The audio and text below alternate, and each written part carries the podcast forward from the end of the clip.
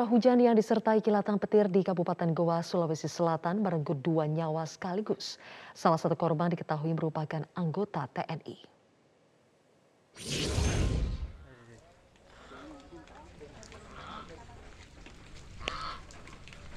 Dua korban yang tewas tersambar petir ini sebelumnya sedang berteduh di pinggir empang di Patalasang, Kabupaten Goa, Selasa siang. Salah satu korban yang tewas merupakan anggota TNI bernama Serma Abdul Kadir berusia 42 tahun yang bertugas di Rindam 14 Hasanuddin. Sementara korban lainnya merupakan warga sipil bernama Jufri Daeng Jaling berusia 50 tahun yang diketahui merupakan seorang petani. Keduanya sudah tidak bernyawa lagi dan berada di pinggir gubuk dengan posisi tertelungkup. Rekan korban yang berhasil selamat kemudian berteriak meminta tolong kepada warga agar menghubungi aparat setempat. Dari keterangan warga setempat, lokasi yang didatangi oleh kedua korban ini sangat rawan terjadi petir di saat musim hujan.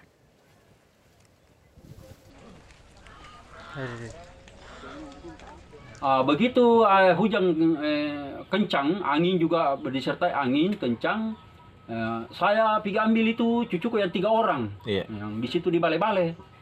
Bagi ada yang saya gendong, ada yang saya anu apa namanya saya rangkul toh. Iya.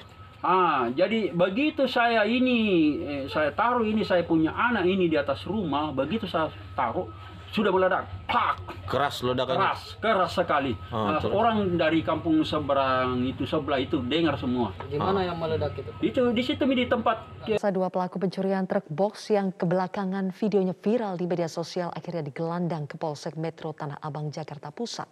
Selain menangkap pelaku, polisi juga mengamankan barang bukti berupa satu unit truk box milik perusahaan ekspedisi yang sempat dicuri. CA dan SU, dua pencuri satu truk box milik perusahaan ekspedisi ini tak bisa berkutik lagi setelah polisi membawa mereka ke Polsek Metro Tanah Abang, Jakarta Pusat. Ah, awas. Sebelum ditangkap, aksi mereka sempat ramai di media sosial karena hendak membawa kabur satu truk box ke Jawa Tengah. Namun aksi pencurian mereka gagal lantaran diketahui oleh petugas PJR Polda Jawa Barat yang melakukan pengejaran di ruas tol Cipali.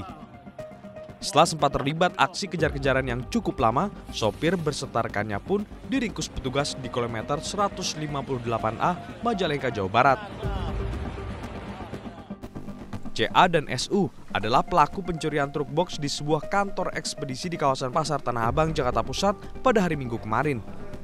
Aksi pelarian melintasi tol Cipali sengaja dilakukan kedua pelaku untuk menuju Jawa Tengah karena diduga akan menjual truk hasil curiannya itu kepada seseorang. Eh, Berdasarkan pengakuan sementara, hasil barang curian tersebut oleh kedua pelaku dibawa ke menuju salah satu wilayah di wilayah Jawa Barat di daerah pesisir utara mengarah ke Indramayu.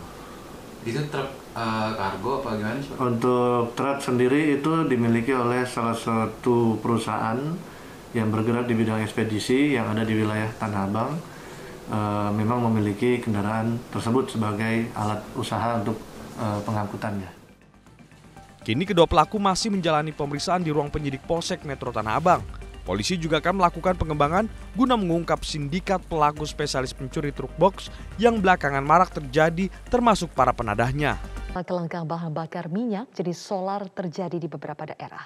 Di Magetan, Jawa Timur, puluhan kendaraan harus antri di SPBU dengan pembatasan pembelian Rp100.000. Sementara itu di Majene, Sulawesi Barat, kelangkaan BBM membuat distribusi logistik terganggu. Sudah hampir empat hari, bahan bakar minyak jenis solar mengalami kelangkaan di sejumlah SPBU di Kabupaten Magetan, Jawa Timur. Kelangkaan solar ini membuat antrian panjang yang menimbulkan kemacetan arus lalu lintas di jalan raya seperti yang terjadi di SPBU Mospati. Pengendara harus antri hingga berjam-jam di SPBU dan itu pun pembeliannya dibatasi hanya Rp100.000 untuk kendaraan truk, kendaraan umum, dan mobil pribadi. Menurut pengemudi truk, kelangkaan solar sudah terjadi empat hari. Dirinya terpaksa mengantri berjam-jam untuk mendapatkan solar. Memang sulit, Pak. Ini antri cuma dikasih 100 ribu katanya. Oh dijata? Iya, Tapi sekarang so- belum dapat. belum. Pak kalau di Magetan ini SPBU kalian juga apa juga sulit Pak? Sulit, Pak. Menurut petugas SPBU, kelangkaan solar terjadi karena adanya pengurangan pengiriman solar ke SPBU. Biasanya pengiriman solar tiga tangki per hari, kini hanya satu tangki. Pertamanya stopnya dikurangi, dibatasi cuma satu kiriman aja. Hmm, biasanya berapa kiriman, Bre? normal? Biasanya dua sampai tiga. Itu berapa liter itu yang kirim? Delapan ribu. Hmm, ini untuk BBM solar aja atau yang lain juga? Solar aja. Sulawesi Barat, kelangkaan BBM jenis solar menghambat distribusi logistik. Pengemudi truk harus antri berjam-jam untuk mendapatkan solar. Kelangkaan solar terjadi lantaran jatah untuk SPBU ini hanya 8.000 liter per hari. Sementara itu, PJS Senior Vice President Corporate Communication dan Investor Pertamina, Fajriya Usman mengatakan, terjadi lonjakan permintaan yang signifikan seperti yang terjadi di Sumatera Utara, peningkatan konsumsi BBM naik sebesar 10 persen uh, antrian yang sempat terjadi ya di beberapa SPBU ini memang dikarenakan terjadinya lonjakan demand ya yang cukup signifikan. Tadi sudah saya sampaikan contohnya di Sumut itu sekitar uh, 10 persen kalau nggak salah uh, peningkatan demandnya gitu sehingga memang uh, kami harus melakukan percepatan gitu, untuk bisa uh, menyalurkan ya solar subsidi tersebut. Pertamina akan melakukan percepatan guna menyalurkan BBM kepada agen-agen retail di daerah, terkhusus BBM jenis solar. Pertamina akan memonitor ketersediaan BBM dengan stok BBM saat ini 1,4 juta kiloliter siap untuk disalurkan sehingga diimbau masyarakat tak perlu khawatir atas stok BBM saat ini. Lembaga Bantuan Hukum DKI Jakarta memberi rapor merah pada Gubernur DKI Jakarta Anies Baswedan yang dinilai gagal memimpin Jakarta selama empat tahun masa kepemimpinannya. Di antaranya Anies Baswedan dinilai gagal dalam menangani banjir Jakarta dan masalah penggusuran permukiman warga. Lembaga Bantuan Hukum Jakarta menyoroti kepemimpinan Anies Baswedan sebagai Gubernur DKI Jakarta. Mereka menilai selama empat tahun masa kepemimpinan Anies Baswedan, Jakarta belum mengalami kemajuan dan layak menerima rapor merah.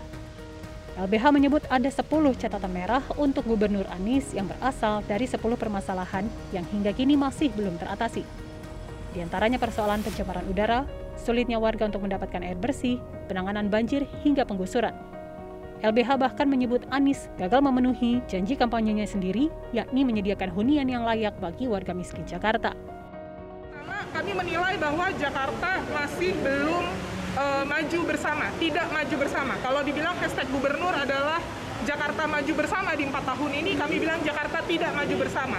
Penting bagi Gubernur DKI Jakarta untuk membuat strategi dan rencana aksi pengendalian pencemaran udara yang partisipatif, lalu kemudian menghentikan swastanisasi air DKI Jakarta, melakukan penanganan banjir yang komprehensif tanpa melakukan penggusuran.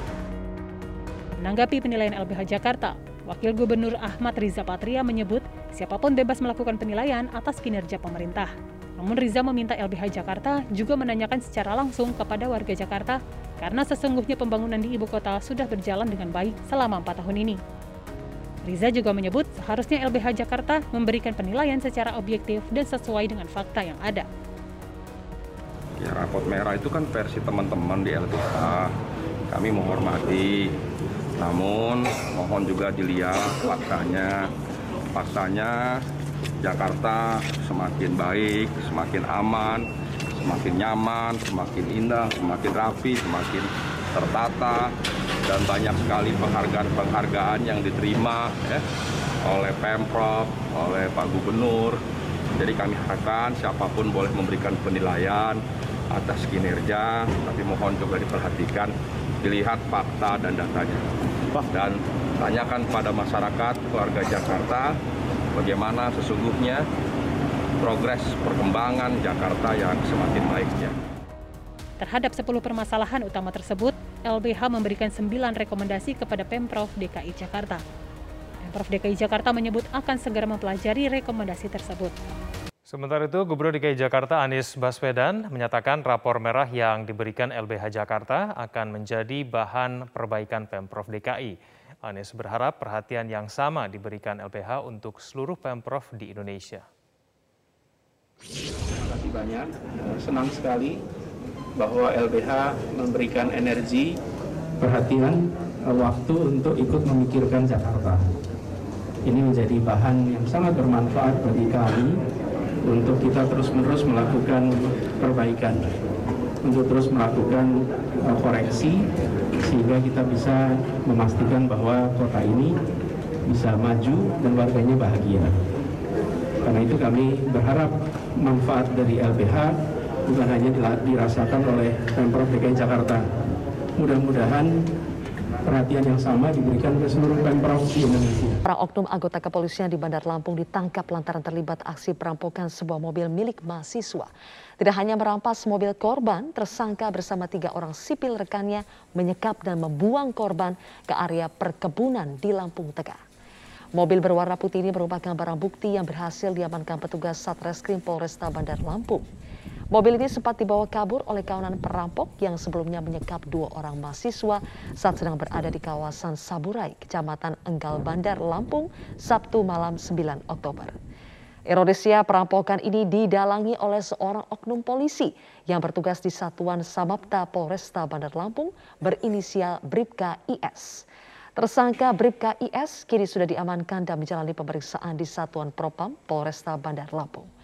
Pada malam perampokan, korban dua orang mahasiswa dihampiri para pelaku yang berjumlah empat orang dengan mengendarai dua sepeda motor. Para pelaku kemudian mengancam korban dengan senjata api dan membuangnya ke kawasan perkebunan sawit di wilayah Lampung Tengah. Lalu mobil tersebut dibawa kabur oleh pelaku. Kapolresta Bandar Lampung Kombes Ino Haryanto membenarkan peristiwa kejahatan pencurian mobil dengan kekerasan, namun ia enggan membahas lanjut nasib anggotanya yang terlibat aksi perampokan. Masih kita dalami, masih kita lidik sejauh mana keterlibatannya. Ya. Tapi memang sudah saya, saya belum monitor. Tapi memang sudah kita lakukan penahanan Pak terhadap uh, terduga ini Pak yang melakukan Kalau kalau memang bukti-bukti sudah terpenuhi ya kita. Nah, anggota Polresta Bandar Lampung Pak Kapolres. Ya? Anggota kita Pak ya, emang benar. Nanti kami kabari. Rentetan aksi kekerasan yang dilakukan oleh aparat kepolisian di sejumlah wilayah Indonesia mendapatkan perhatian khusus dari Kapolri Jenderal Polisi Listio Sigit Prabowo. Kapolri belakangan menginstruksikan jajarannya untuk memberikan sanksi tegas dan keras terhadap oknum anggotanya yang melakukan tindak kekerasan terhadap masyarakat.